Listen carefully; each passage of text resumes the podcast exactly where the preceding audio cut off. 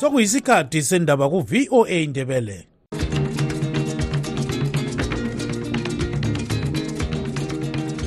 amatshono zihlobo siyalamukela kuhlelo lwethu lwezindaba eziphathelane lezimbabwe. Kustudio 7 eya voice of america sisakaza sisewashington dc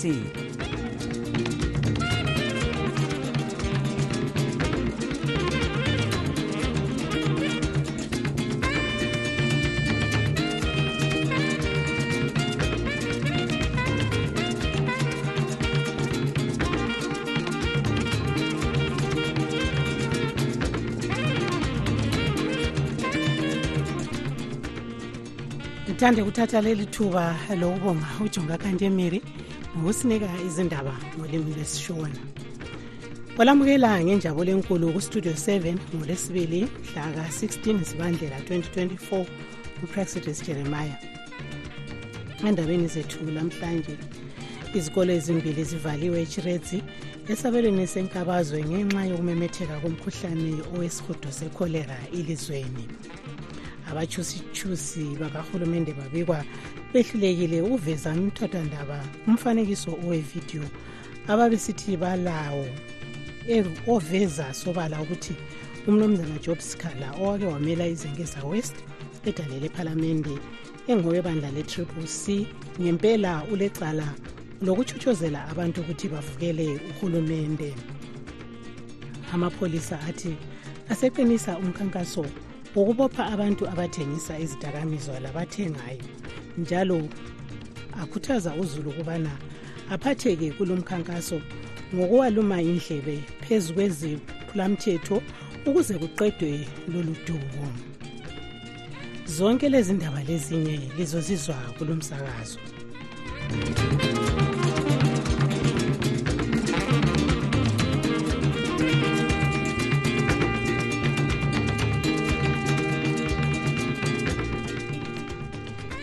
izikolo ezimbili zivaliwe echiredzi esabelweni senkabazwe ngenxa yokumemetheka komkhuhlane wesihudo esekhorela elizweni kanye lakwamanye amazwe asemhlubulweni wezansi yezwekazi le-afrika. Izolo kulabantu abahlanu ababikwa befile njalo abedlula amakhulu amabili batholakale belomkhuhlane lo. Ichiredzi yiyo ebikwa ilabantu abaningi asebebanjwe yilo mkhuhlane. Ilandelwa yi-bite bridge ikuwadzana eharare ishtungwiza glenview eharare makonde kanye lebuyera. Kulabantu abafika phose inkulungwane ezingamashumi amabili 18332 asebebanjwe yilo mkhuhlane kusukisela ngesikhathi uqhamuka nyakenye. Uthabo kancube owestudio 7 uxoxa lo mnumzana ambrose sibindi owayekhokhela inhlanganiso yezakhamizi zakobulawayo eyebulawayo progressive residence association njalo elilunga le-triple c ngalolu daba.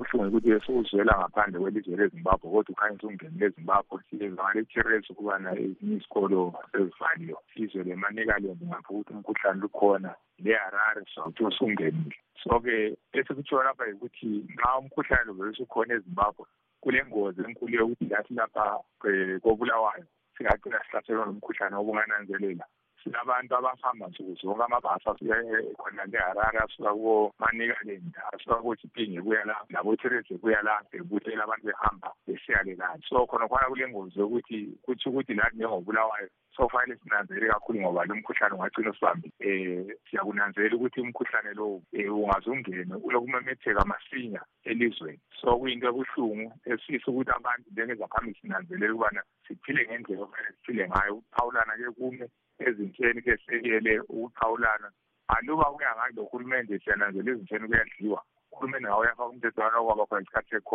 secorona laphana ukuthi um abantu isikhathi secovid ukuthi abantu bangadli ezintsheni ngoba kulapho ongamemetheka khona. So sofanele uhulumende asondele afake imithetho yokuvikela abantu. Sibona lapha umkhuhlane lo umemetheka kakhulu lapho okulodubo lwamanzi khona njalo indawo eziningi zezimbabwe zikhangelane lodubo lolu kungenziwa njani? Ye liqiniso leli ukuthi um umkhuhlane lo okwenza umemetheke lapho odubo kulamanzi khona ukuthi kusithi abantu ama-hygienic standards abe seyehlile abangananzela ezambuzini hayi nxa bangasaflashwa kuhle labantu basebenzambuzi bangagesi izandla yiko kwenza umemetheke. So sokukhona yikubana um lathi kobulawa liyananzela isiyohlupho olufana nawo lamanzi engxenye aluba kuya khathi siyananzeleka ukuthi indawo eziningi lakhona abakobulawayo yiwo amanzi ehlupha akayekele engavalwa kwesikhathi esithile siyakwazi ukubana amanzi ayashoda kodwa-ke ngenxa umkhuhlane losukhona usisikhathi ayekele amanzi angavali ke kubonakala umkhuhlane uqala unqandwe uzokuthi indawo lezi ezingela manzi kube lama-water kiosk lawo ngathi ayancedisa abantu nxa sokunzima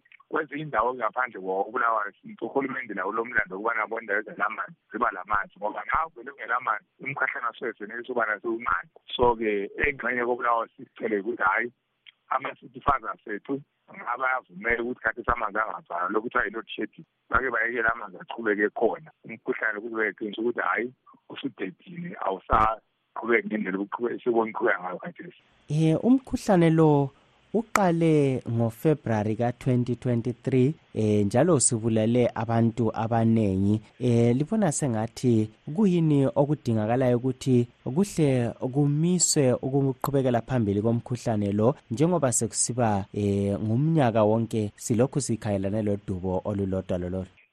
Okokuqala sibona ngathi yimfundiso imfundiso iqakathekile. Abantu abaningi lo mkhuhlane abawuzwisisi ukuthi uyingozi njani. So sithi thina uhulumende um kakhulu iministry ezempilakahle lama-local authorities okulawa city council kwezempilakahle lapho kwi-department ze-health ekube le ndlela ukuthi kube nama-program abanzi okungena lapha um ezigabeni kuma-communities kuzakhamizi abantu befundiswa into yokuqala kufanele yenzakale le kwezathi bananzelele. Okwesibili um sinanzele ukuthi engxenye lezinhleli lapho inamba kezinande kancane siyakwazi ukuthi thina njengabantu abamnyama singahlelwa siyashiswana siyekhuluma kodwa nxa umkhuhlane usukhona inamba zingaba inkulu kakhulu. Uqhubeke futhi ukuthi engxa ezinhleni indaba lezane zokuqhawulana abantu bafundisa ukuthi bake bame ukuqhawulana um engxenye futhi sendlula fana nge-covid siyakwazi ezitheni ngoba kungasaphekwa. Engxenye sokufanele siye kuleso sigaba kuye kumiswe kancane ukuthi hhayi ezinhleni singaze siyebe komnye wethu kuyaphekwa kudliwe. Kuye kumiswe kancane khona kwa. Lo ke bekungumnumzana Ambrose Sibindi owaye wakhokhela inhlanganiso yezakhamizi eyebulawayo Progressive Residents Association njalo elilunga le-CCC esecingweni loTaboka Ncube we Studio 7 The Voice of America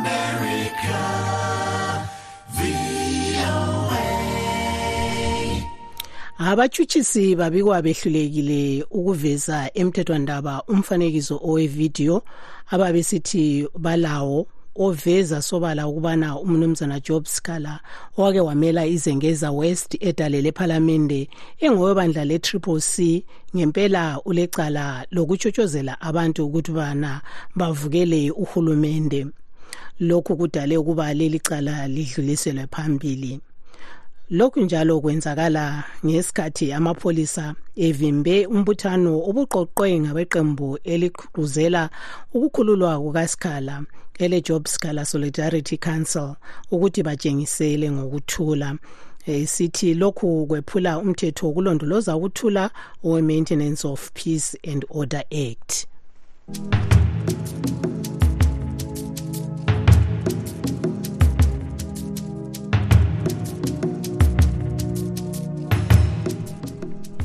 Amapholisa athi aseqinisa umkhankaso wokubopha abantu abathengisa izidakamizwa labazithengayo njalo akhuthaza uzulu ukubana aphatheke kulumkhankaso ngokuwaluma indlebe phezu kwezephulamthetho ukuze kuqedwe lolu dubo elizweni.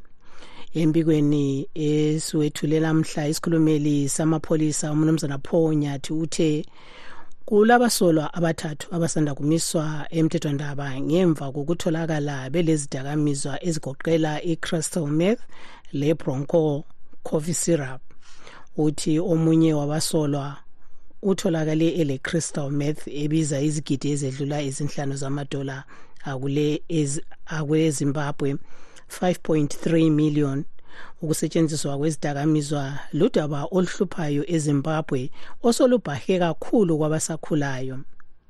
Untungameli nkomo westudio 7 uxoxe lokhansila we-proportional representation kobulawayo unkosikazi phesinyathi.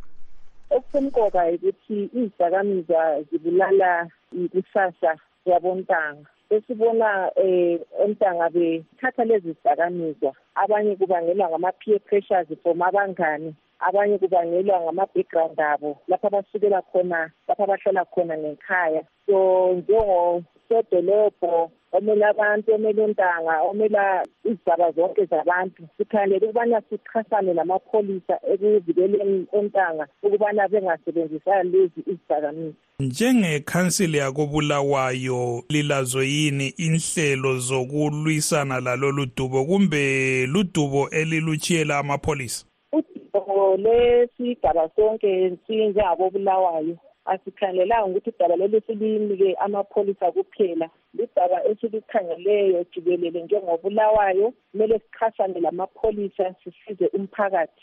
Kobulawayo khona ungathi udubo lolu lubhahe kanganani? Siyake sizwe ngamavuzo phathi abantwana benza ukuganga besebenzisa okudakayo besiya emacansini. Lubhahe kanganani udaba lwezidakamizwa udaba lolu selujule kakhulu esingathi sekuyikhensa eselungene phakathi ebantwini ebantwaneni bethu. Ludaba sibile selubangela ukubana abantwana labo basaziphathi ngembeko. Ludaba oselubangela ukuthi lakhona kubahlali kuma-societies kuma-communities ethu abantu abasahlalisani kuhle ngenxa yalezi zidakamizwa. Ngoba imbangela yibona abathengisa lezo zidakamizwa ngabahlali abahlala labantwana um kuma-communities wona lawo esikhuluma ngawo. Ama-communities wona izigaba ngezigaba ungathi zilazo yini inhlelo zokuqoqana zona zodwa izigaba? Inkokheli yezigaba ibambene yini ekulwisaneni lolu dubo? Inkokheli zezigaba zibambene kakhulu siyazama ukubana sivikele abantwana siyazama ukuba abantu bahlalisane kuhle kungabi lodlame phakathi kwama-communities wona lawo. Okuyikho kona okubangelwa izidakamizwa.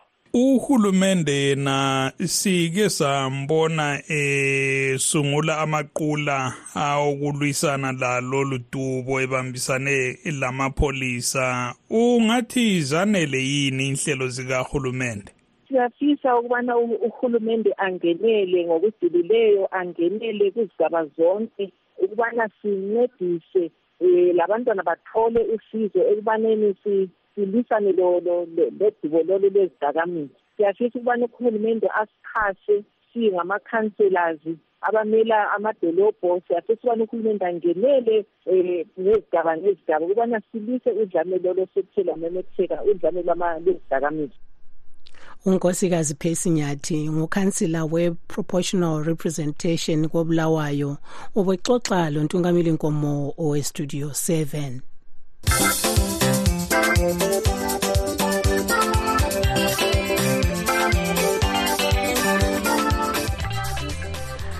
baningi abantu abasezimbabwe abashayela uhulumende ihlombe ngomthetho osanda kwethulwa ngumongameli emerson mnangagwa ukukhuphula iminyaka yomntwana ongaya ecansini isuka kwelishumi lasithupha 16 isiyafika kwelishumi lasishiyagalombili 18 kodwa abalwela amalungelo abantwana bathi lanxa umthetho lo umuhle kumele abantu bedonse ndawonye ukuze ulondolozwe ilungelo lomntwana.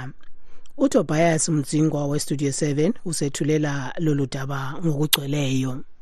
Umthetho we-statutory instrument 2 of 2024 owethulwe ngumnangagwa ukhangelelwe ukuba uzakuba engalweni zemithetho yelizwe okwenyanga eziyisithupha kuphela. Idale lephalamende lifanele ukuba liwulolonge ubiselwe njalo kumongameli ozawupasisa ukuba ube ngumthetho ogcweleyo. Okwamanje iziqondiso zomthetho lo zikubeka sobala ukuba umuntu ozakwephula iziqondiso lezi ulakho ukuvalelwa entolongweni okweminyaka elithumi igqwetha elilwela ilungelo likazulu lizimele umnumzana xolani ngwenya uchasisa ukuba umthetho lo utshoni. Ngomnyaka ophelileyo ngomeyi inkundla enkulu e, ebona ngamalungelo kwezombusazwe esithi constitutional court yahlala yenza isinqumo sokuthi uhulumende lephalamende kufanele bayenze umthetho okhiphayo lowu othi umntwana oleminyaka elithumi lesithupha 16 years e, uyavunyelwa ukuya emacansini.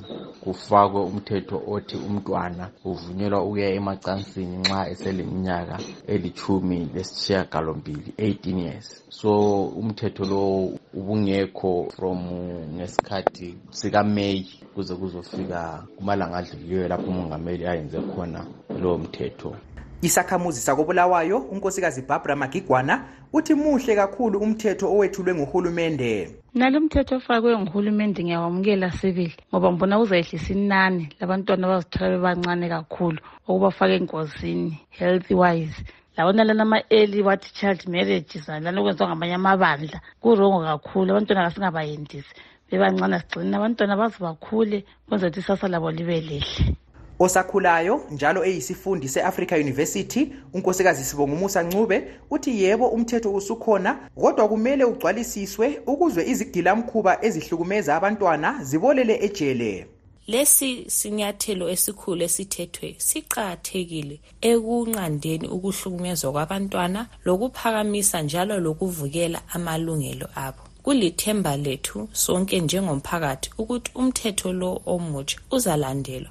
Abawephulayo bagetshiswe ngokufanele okwenziwe nguhulumende kunconywe njalo ngumnumzana tajudin oyewale okhokhela inhlanganiso ye-unicef kwele zimbabwe UNICEF commends the government of Zimbabwe for the passage of a new legislation that raises the age of consent to 18 years for sexual activities. This legislation has come to complement the amendment to the Marriages Act siyakwazi ukuthi umthetho wokuthi abantwana abaphansi kweminyaka engu-18 bengayendi ubukhona akade kusilela yiwo lo umthetho osubekiwe okubeka sobala ukuthi lakho ukuya emacansini lomntwana oleminyaka engakedluli ichumi lasishiyagalombili licala ukuhambelana kwemthetho leyi imibili wenza ukuthi amalungelo abantwana alokwenza ngezecansi athole isisindo. Ingcwethi ecubungula indaba zabatsha njalo ofundisa ekholitshini lelupane state university umnumzana mbulisi ndlovu uthi umthetho lo kawusoze umise ukuhlukunyezwa kwamankazana kuphela kodwa labafana ubuhle bomthetho lowo yikuthi ubopha nxa zonke. Um kulezi nsuku siyaziwa khona even omama sebexhwalile abadala othola belala labantwana abancane abangabafana abancane labo bayabotshwa ngomthetho lowo nxa umfana lo engakafikisi iminyaka efananayo e-18 years leyo. So hhayi mina ngubona ngumthetho olungileyo kakhulu elizweni. Umphathintambo obona ngezemithetho umnumzana ziyambi ziyambi utshele istudio 7 ukuba idale lephalamende lizalungisa umthetho osekela lokhu okwethulwe ngumnankagwa phansi kwamandla awaphiwa yisisekelo sombuso awe-presidential powers. Abakholo lwesiposidoli baziwa ngokutshada lokutshadisa abantwana abaphansi kweminyaka elithumi lasithupha ngimele istudio 7 ngiseharare ngingutobias mudzingwa.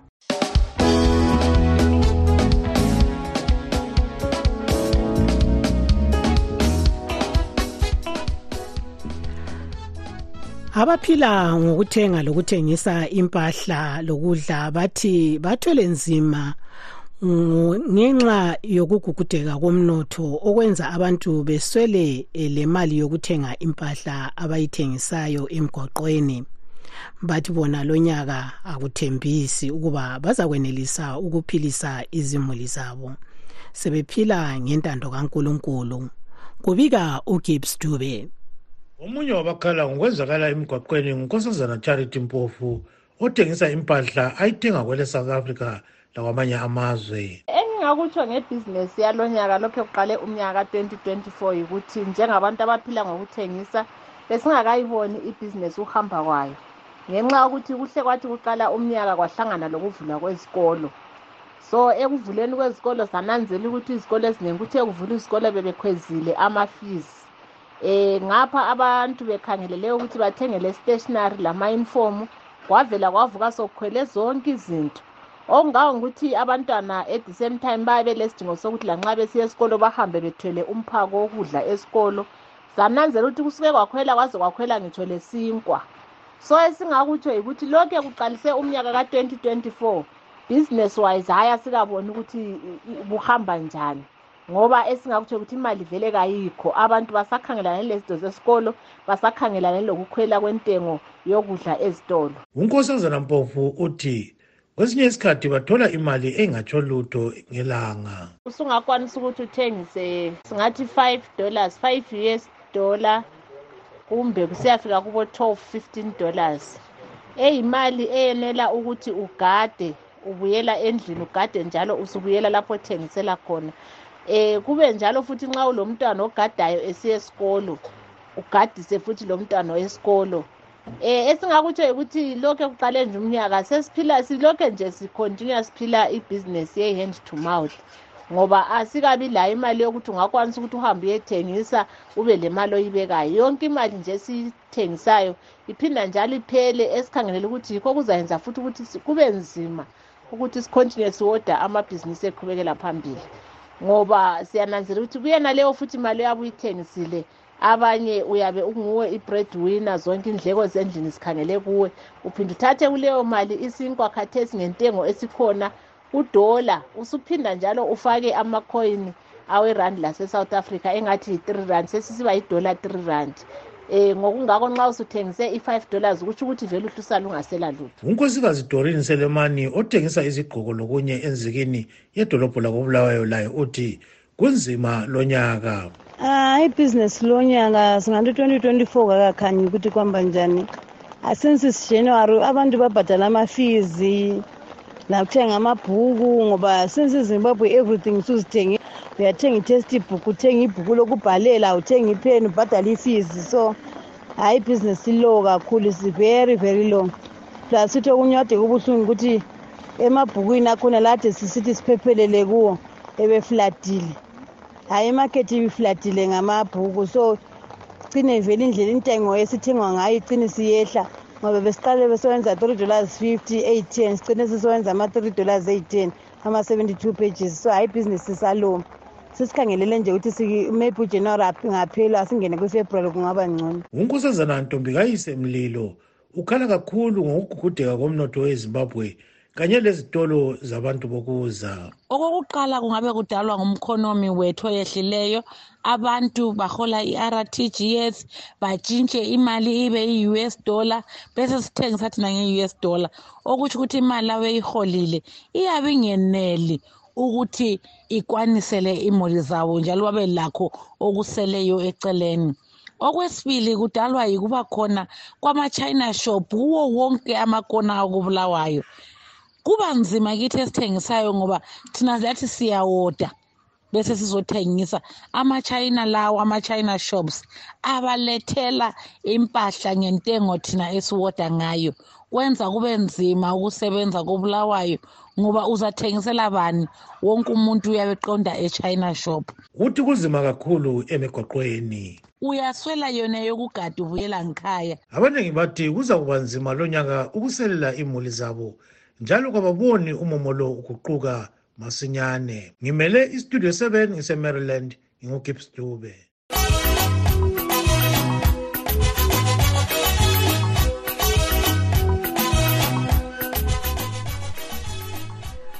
Iningi labasekeli bebandla eliphikisayo kwelemelika elama-republicans abakade bethe gwaqa emhlanganweni wabo omkhulu we-caucus owenzelwe esigabeni se-iowa. Babikwa lokhu besekela umnumzana donald trump owakwaba ngumongameli ukuthi angaba lakho ukukhokhela njalo leli lizwe kakuhle lanxa ebhekane lamacala amaningi asemthethwandaba sikhuluma kanje. Laba bantu abalombono onje babikwa beyisilinganiso sokubili kokuthathu. Abathi njalo lokhu lokhu bekholelwa ukuthi umongameli Joe Biden webandla lama-democrats akanqobanga kukhetho lomnyaka oka-2020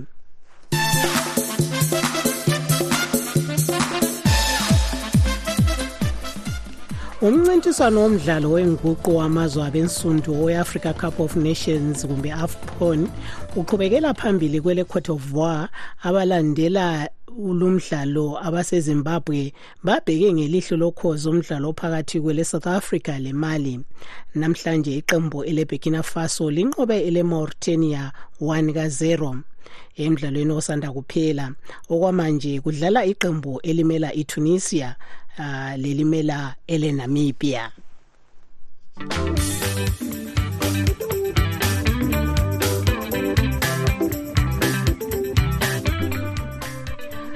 Abaqoqi bomcimbi osungulwe ngomnyaka odluleyo okhangelele ukuqhutshwa minyaka yonke yinduna uchief dakamela lapho kunikezwa khona abasebenzele intuthuko yemhlubulweni mandebeleni izicoco bathi ukhangelele ukuqhutshwa mhla ka-6 ngenyanga kamabasa ehall yedakamela enkayi. Imbongi labanye abaculi abalingisayo bakhangelelwe ukuthokozisa abantu ngokolesihlanu kodakamela mhlakazi ku-5 kumabasa phambilini kwalomcimbi ngomgqibelo. Kusenjalo umculi owazakala ngokuthi nyone emnyama umlandi wetshitshi ungomunye obakhangelelwe ukuphatheka kulomkhosi. Wethule umculo woncuma imisebenzi yenduna udakamela. Usithandekile emhlanga westudio 7 uxoxa lonyoni emnyama ngalolu daba.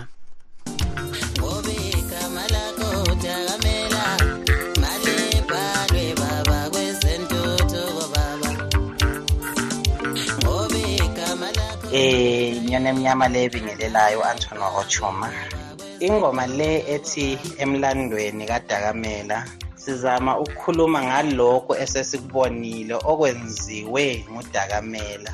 Eh okungakaze mhlawumbe kwenzeka in our lifetime mhlawumbe noma kuke kwenzeka thina besingekakuboni. Siqale ukukubonela kudakamela into ezifana nokwenza imicimbi yemgubho kadakamela. Ama-award ceremony kadakamela ukwakhela nje abogogo izindlu laba abangenazo ukukhuthazana um nesigaba sakhe ukuthi siqhubeke sifundise abantwana khokhana um nezinto ezifana nesibaya senkosi isiphala senkosi inani. Kungumlando owakhiwe ngudakamela endaweni yakithi komthwakazi ikakhulu endaweni yakithi enkaya thina njengabantwana basenkayi si-proud kakhulu ngodakamela into ayenzileyo. So kuyadingeka ukuthi nathi singabaculi siphakame um simsekele kakhulu kulokhu akwenzayo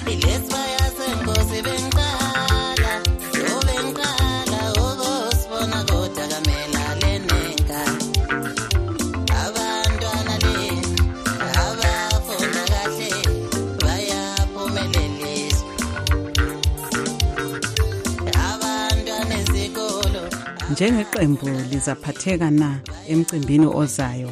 Ukodakamela njalo yiziphi ingoma elizasihlabela kumbe le yiyo eyabe ihamba phambili?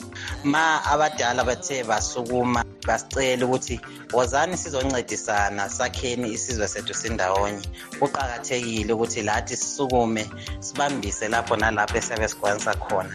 Sizobe sikhona sizofika lapho. Sidlale yona le ngoma eh yona lena nje ekhona eyethi sekusela amahora amabili amathathu. Mhlawumbe sizophinda sidlale um neyinye ethi bahle bagezile. Noma mhlawumbe sesingathi ngabe koyangami ngabe makokoba ihostelane kuyobe sekuyikuya sikhangela ukuthi uhlelo luhamba kanjani. Asizweni amazwi enduna udakamela ayingxenye yalo mculo awakhuluma ngomnyaka odluleyo kusungulwa lomkhosi.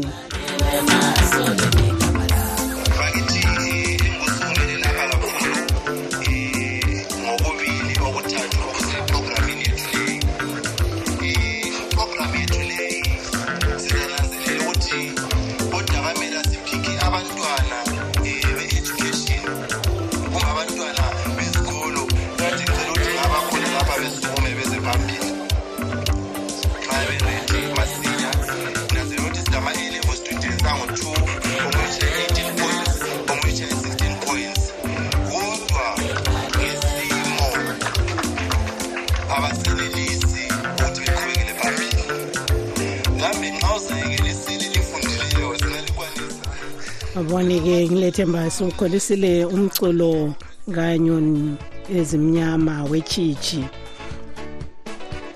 silugqiba-ke lapha uhlelo lwethu lalamhlanje oliver lelisayo ngupraxidis jeremiah.